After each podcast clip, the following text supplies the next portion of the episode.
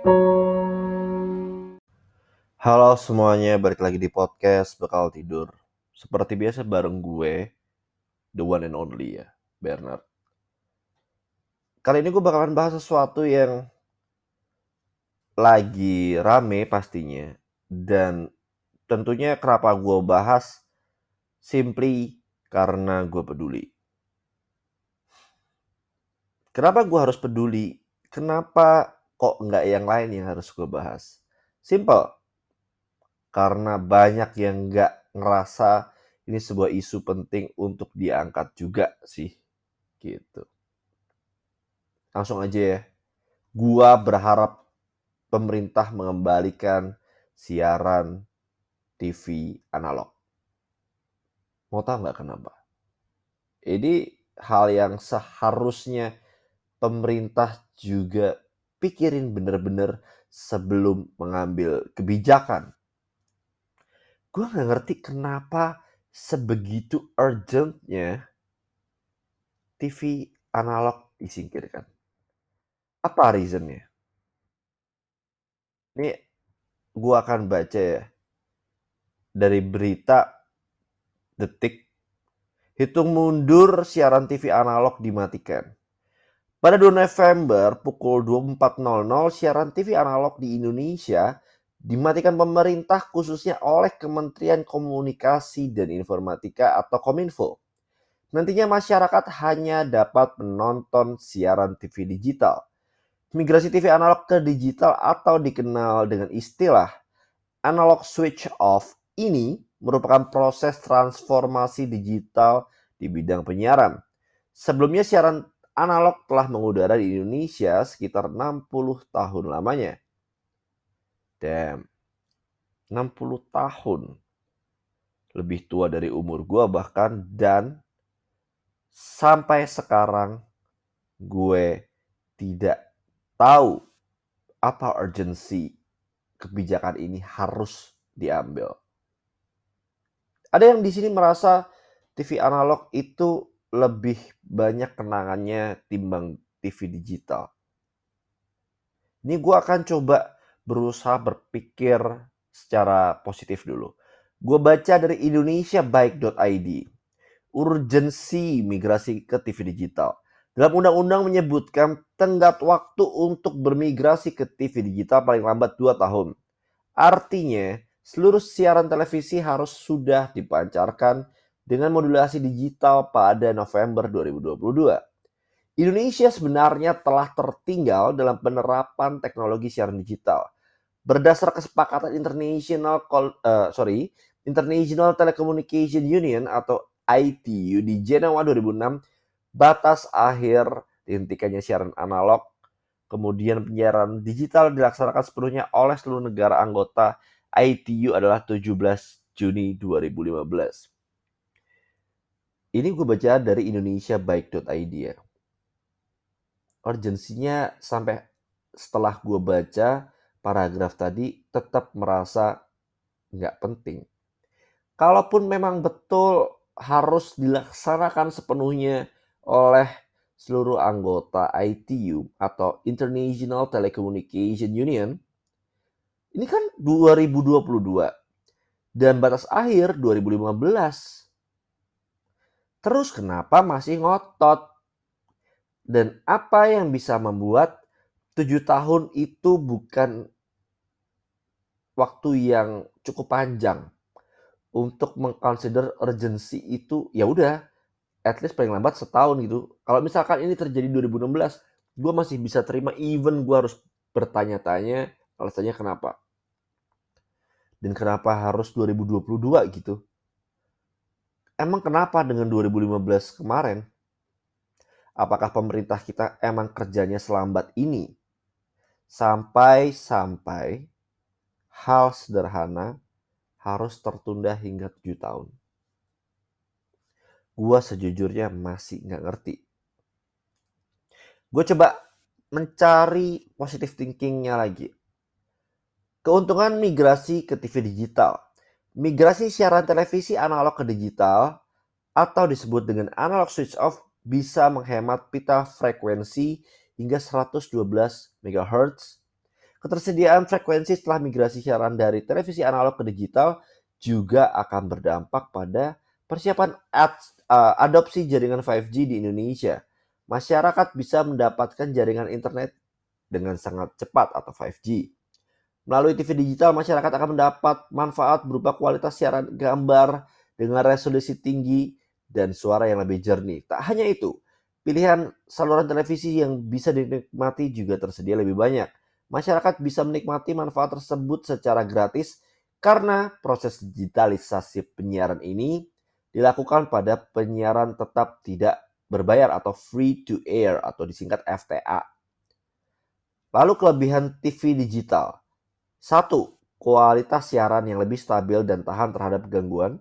Yang kedua, memungkinkan siaran dengan resolusi HDTV atau HDTV secara lebih efisien Ketiga, kemampuan penyiaran multi-channel atau multi-program dengan pemakaian kanal frekuensi yang lebih efisien. Empat, kemampuan transmisi audio, video, serta data sekaligus. Buat yang menggunakan TV analog, udah tahu gunanya apa setelah gue tadi bacain. Gue sampai detik ini nggak tahu loh. Sampai detik ini gue nggak tahu gunanya apaan gue gak ngerti kominfo kenapa sih segitunya ngotot harus banget di switch ke TV analog mengingat kalau emang urgentnya udah dari kemarin 2015 ini 2022 dan kira-kira misalkan nih misalkan ya kita tidak sama sekali itu sanksinya apa gue nggak ngerti juga karena tujuh tahun harusnya kan ya kalau memang itu dinilai dan diindikasi sebagai sebuah keterlambatan e, negara anggota Kan pasti ada denda nih per tahunnya. Tapi kok kayak nyantai-nyantai aja gitu bisa telah tujuh tahun. Sejujurnya gue nggak percaya dengan apa yang sudah dilakukan dan diputuskan oleh Kominfo. Ini gue baca lagi ya. Siaran TV digital gratis untuk semua masyarakat. Ini disampaikan oleh staf khusus Menkominfo bidang komunikasi politik JH Philip Gobang dalam webinar sosialisasi ASO dan seremoni bantuan STB Kominfo bersama Komisi 1 DPR RI Jawa Barat. Gue tuh selalu nggak believe ya dengan orang-orang yang bikin meeting dengan judul kepanjangan kayak gini nih. Poinnya apa? Lihat, lihat nih. Lihat lu lihat sekarang kan. Apa gitu impactnya buat hidup masyarakat? Kenapa harus dihubung-hubungkan dengan 5G? Apa korelasinya? Dari dulu analog juga TV gue fan-fan aja. Apa korelasinya? Dan siapa yang diuntungkan dengan siaran TV yang lebih jernih tadi? Oke, lu boleh bilang deh sekarang. Loh kan bang, TV orang kaya pada bagus-bagus semua dan TV-nya flat semua. Bagus, itu mereka butuh TV digital. Agree. Mereka memang butuh TV digital untuk gambar yang lebih jernih bisa tersampaikan dengan baik kepada mereka quote unquote yang punya TV digital aja yang mahal-mahal di mana artinya orang kaya doang. Udah clear sampai sini urgensinya? Gak ada urgensinya. Masih belum clear juga, gue jelasin lagi. Emang orang kaya nonton TV? Emang orang kaya nonton acara-acara hipnotis-hipnotisan yang ada di TV? emang orang kaya banget sempet nonton Liga Dangdut. Loh, tapi kan ada acara berkualitas bang di Kompas kayak misalkan Suci, stand up Indo, uh, stand up komedi Indonesia. Tapi banyak yang nonton di YouTube. Gue nggak tahu ada berapa dari elu semua yang dengerin podcast gue masih nonton TV. Gak ada, yakin gue gue masih masih sangat yakin lu tuh cuman 80% lah yang nonton TV analog, TV-TV swasta tadi. Mostly lu nonton apa? YouTube, Netflix, lalu apa lagi? Mola, apa lagi? Amazon Prime. Bukan TV kan yang lu tonton. Loh, tapi kan TV juga bisa ditonton, Bang. Gini, sejak adanya YouTube, sejak adanya Netflix, tidak bisa kita pungkiri waktu orang nonton itu akhirnya beralih ke media-media yang tadi gue sebutin OTT misalkan. Atau live streaming kayak Twitch atau live YouTube. Opsinya udah bukan televisi analog lagi bahkan terus yang gue herankan sekali lagi kan dia bilang gambar yang lebih jernih segala macem suara yang lebih jernih segala macem. Ini main kominfo pada mikir gak sih gimana caranya memperbaiki tayangan? Jangan kualitas dulu tayangan dulu gitu loh. Gue nggak mau lihat di TV isinya bencong-bencongan doang ngondek-ngondekan doang ini sebenarnya surveinya gimana gitu? Kok bisa ada kebijakan seperti ini? Alasan apa? Disuruh itu ITU tadi. Telat udah tujuh tahun. Nggak perlu juga nggak ada urgensinya ini. Terus kalau tidak salah, gue udah baca tadi ya, ada subsidi untuk pembelian set-top box dan antena ya. Buat yang nggak tahu, set-top box atau STB merupakan perangkat konversi yang membantu sinyal TV digital bisa diterima oleh TV analog tertentu. Nggak semua juga ternyata. Jadi buat yang nggak tahu STB itu bentuknya kayak decoder tapi sekali lagi itu masih harus dihubungkan dengan antena juga yang UHF akhirnya di sini kita juga akhir uh, bisa mengambil kesimpulan dua hal yang pertama mereka atau Kominfo tidak memperbaiki kualitas siaran atau kualitas acaranya. Tapi lebih malah kualitas jaringannya. Kualitas gambarnya, ya kualitas siaran termasuk itu. Tapi lebih yang gue bahas tadi, Kominfo tidak terlalu memperhatikan bagus tidaknya konten yang disajikan. Lebih yang penting kayak, lo gambarnya tapi biar jelas aja gitu loh. Gini sih, misalkan, misalkan nih, gue itu kayak tidak merasa wajib untuk kayak contoh ada apa ya konten-konten YouTube yang gak gue suka. Eh gini deh Aldi Taher deh di Instagram yang nyanyi nggak jelas itu. Say itu adalah acara yang buruk ya. Yang awalnya gue nontonin tuh gambar gambarnya agak ngeblur, agak laggy gitu ya. Terus ketika lo pakai TV digital, ya bedanya cuman, oh iya ya gue bisa melihat Aldi Taher lebih jelas bisa ngelihat ngondek-ngondekan lebih jelas. Buat apa? Ini kebijakan macam apa? Gitu loh. Dan gue juga baca itu baru terjadi di Jabodetabek. Nanti akan bertahap ke seluruh Indonesia. Buat apa? Dan sudah pasti ini tidak menjadi hal yang baik bagi beberapa pihak.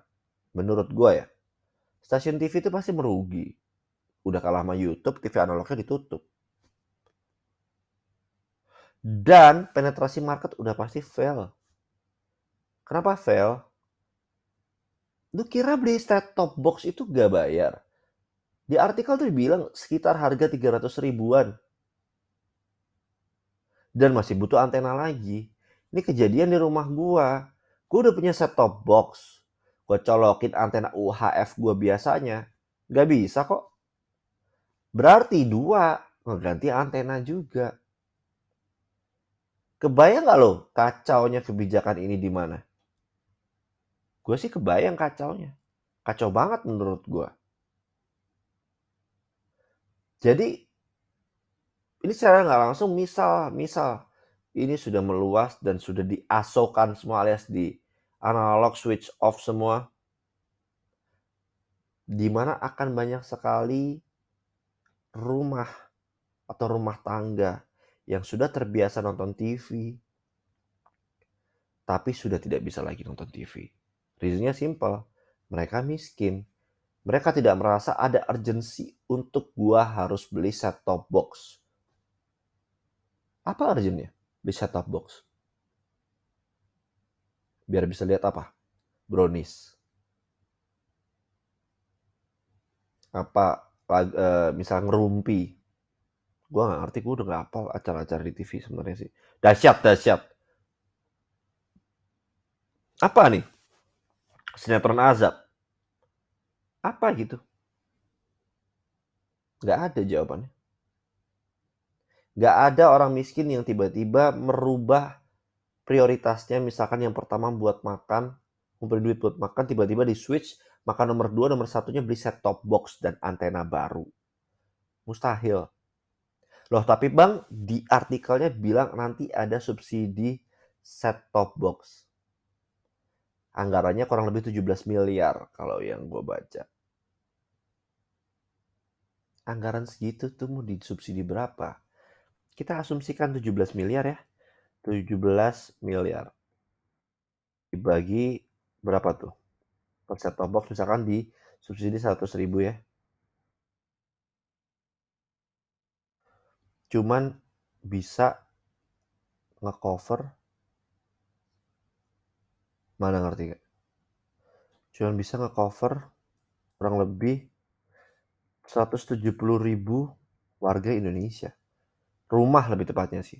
Rumah Indonesia. Rumah orang Indonesia. Per rumah tangga. 170 ribu. Kita lihat ya. Total jumlah keluarga di Indonesia. Kita coba ya.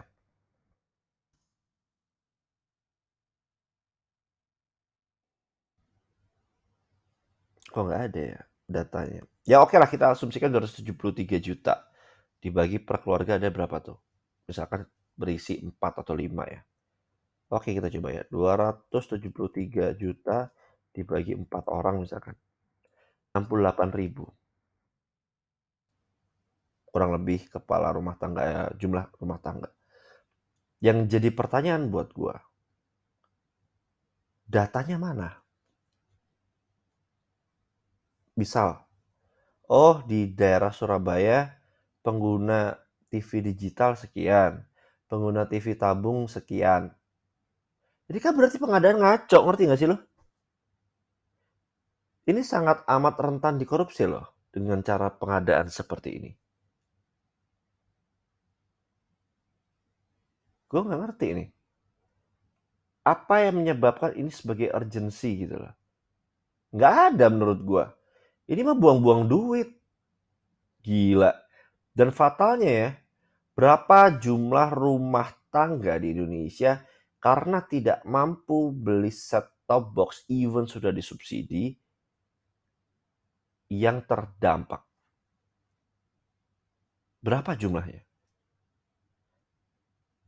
Kalau iya terdampak pertanyaan gue, dampaknya apa gitu kan? Dampaknya jelas banyak sekali nanti masyarakat Indonesia yang makin tidak bisa terpapar hal-hal yang ada di ibu kota. Nggak banyak orang yang nonton YouTube di daerah-daerah kecil, masih TV analog semua. Mereka makin tidak terpapar informasi sama sekali, ini bisa mengakibatkan bertambahnya orang-orang yang punya critical thinking yang buruk, knowledge yang buruk, pengetahuan umum yang buruk. Berimpact apa lagi? Kemiskinan. Berimpact apa lagi? Pengangguran. Berimpact apa lagi? Kelaparan. Berimpact apa lagi? Pemerintah ribet. Ribetnya apa? Di demo lagi. Banyak orang-orang bodoh soalnya gara-gara TV analognya di stop. Harusnya TV analog mah biarin aja, perbaiki kualitas acaranya. Kayak gak ada yang lebih penting dari ngurusin beginian. Terus kalau Indonesia semuanya, misal nih semuanya di seluruh provinsi sudah mengganti ke digital. Emang Indonesia bakal dibilang apa gitu? Wow, Indonesia keren ya. Semua rakyatnya punya TV digital, udah menikmati TV digital. Buat apa? Buat apa? Gak ada bangga-bangganya gue sebagai orang Indonesia tahu semua rakyatnya punya TV digital semua. Gak ada gue bangganya loh. Ya kalaupun akhirnya bisa switch mereka, pasti nggak semua. Dan yang kedua, kalaupun disubsidi full, itu akan menjadi makin buang-buang uang. Kenapa? Karena ya banyak juga yang tetap nggak mau nonton TV-TV yang kayak sudah lama ini, TV-TV swasta di Indonesia ini. Gak usah TV swasta, TV negeri juga nggak bakal ada yang nonton. Kok even udah kemarin kan ada tuh ya orang yang teriak-teriak dipecat dari direkturnya nggak terima segala macam. Menurut gue TV-nya juga tetap jelek sih sampai sekarang. Tidak menambah nilai jual apa-apa. Cuma modal ditambahin Liga Inggris doang kok kemarin kok. Gue tidak merasa ada perbaikan sama sekali ya dari dunia pertelevisian di Indonesia, even yang negeri sekalipun. Nggak ada gue nggak tahu harus apresiasi apa dari kebijakan ini kebijakan paling sampah sih sebenarnya. Dan gue ngerti ya dua kali ini nih akhir-akhir ini gue melihat ada pattern tiba-tiba beberapa menteri merasa perlu untuk sangat amat aktif bekerja terlihat aktif bekerja untuk kebijakan yang remeh-temeh. Kemarin masalah cuti bersama. Lalu ini masalah switch ke TV digital. Ini remeh-temeh sekali kayak nggak ada yang bisa diurusin gitu. Dan ini Kemenkominfo kemarin PSE masalah Steam juga gitu. Masalah kebocoran data juga gitu. Mereka masih punya banyak PR loh. Ngapain ngurusin beginian? Gila sampah banget. Sorry ya kerjanya sampah sih ini. Gua sebagai rakyat kecewa dengan apa yang sudah disumbang oleh Kemenkominfo. Mending pecat aja menterinya. Pecah aja menterinya, nggak ada gunanya ini. Dirombak semuanya kayak PSSI barusan. Dirombak semuanya, diselesaikan semuanya. Gua butuh siaran TV analog gua. Nyokap gua masih butuh itu dan nyokap-nyokap orang lainnya. Lo ngerti gak sih? Memang mereka iya akan demand TV digital. Tapi yang ribet bukan orang-orang tua ini. Tahu nggak yang ribet siapa? Yang harus ngeset semuanya untuk cari channel dari awal lagi. Anak-anaknya tuh jadi ribet. Anak-anaknya tuh pengen belajar. Anak-anaknya pengen kerja. Disuruh menyokap benerin TV kan jadinya kan lu. Pusing kan lu. Lama lo itu. Makan waktu sejam kali lebih. Ya kurang lebih sih ya. Dan terlepas dari itu ya, gue punya memori banyak banget dengan TV analog dari TV yang modelannya nggak ada remote-nya yang cetak-cetek, yang masih tuning-tuning juga, puterannya eh, nyari channelnya harus diputar. Lalu sampai akhirnya gue punya TV yang ada remote-nya. Meskipun masih tabung, PAL NTSC segala macem. Lu semua inget gak sih masa-masa di mana kita nonton sesuatu, mungkin nonton bola, atau bokap lu tiba-tiba, tolong dong benerin antenanya dan lu di atas geser-geser kayak ayo ayo kanan kurang kanan kurang. Iya iya udah jelas udah jelas. Kebarang kebayang nggak sih itu kayak lagi gue tuh kepikiran gitu tiba-tiba. Lagi dengerin ada dua pasangan dua orang lah. Satu pasang suami istri tunanetra yang baru malam pertama ngerti gak lo? Ini udah belum masuk belum. Eh kurang kanan kurang kanan. Ini udah belum kurang kiri kurang kiri. Kayak gitu. Sama kan kayak orang benerin antena gitu hmm, banyak gitu kenangan-kenangan gue sama TV analog. Gue nggak tahu lu ya. Mungkin anak-anak zaman sekarang pada ya kenangannya di Netflix. Netflixnya nyala, lu nya ngewe kan. Iya gitu. Gue sih tetap berharap TV analog balik lah intinya. Dan gue nggak mau anggaran-anggaran keluar malah jadi korupsi buat subsidi set top box buat apa. Butuh antena juga ujung-ujungnya. Mana digitalnya. Lu kira semua orang mampu beli 300 ribu? Ya enggak lah. Mau lulus subsidi berapa sih? 300 ribu.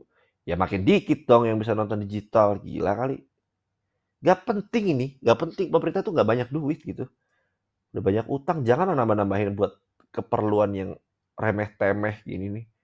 Udah balikin aja TV digital. Dan gue gak mau juga karena ini switch ke TV digital dan beberapa stasiun TV bangkrut, memecat karyawan. Ini kan lebih parah lagi domino effect ini mereka mikirin gak sih? Kemenkominfo ini? Atau cuma sok-sok punya kebijakan yang yang penting present keren aja gitu? Jadi gue rasa ya dari awal tuh memilih beliau jadi menteri tuh udah nggak beres.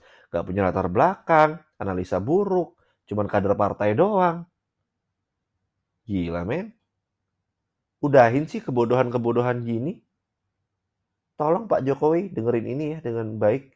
Gak guna loh ini. Sama sekali gak guna kebijakan merubah ke TV digital dari analog. Dan itu gak naikin harga diri bangsa Indonesia juga karena mereka udah menonton siaran TV digital. Karena sebelum ada kebijakan ini, kita sudah menikmati siaran digital di YouTube, di Netflix. Gak perlu. Hapuslah ini. Cancel semua budget-budget itu. Itu aja lah kali dari gue. Semoga lu semua relate. Stay safe semuanya. Bye-bye.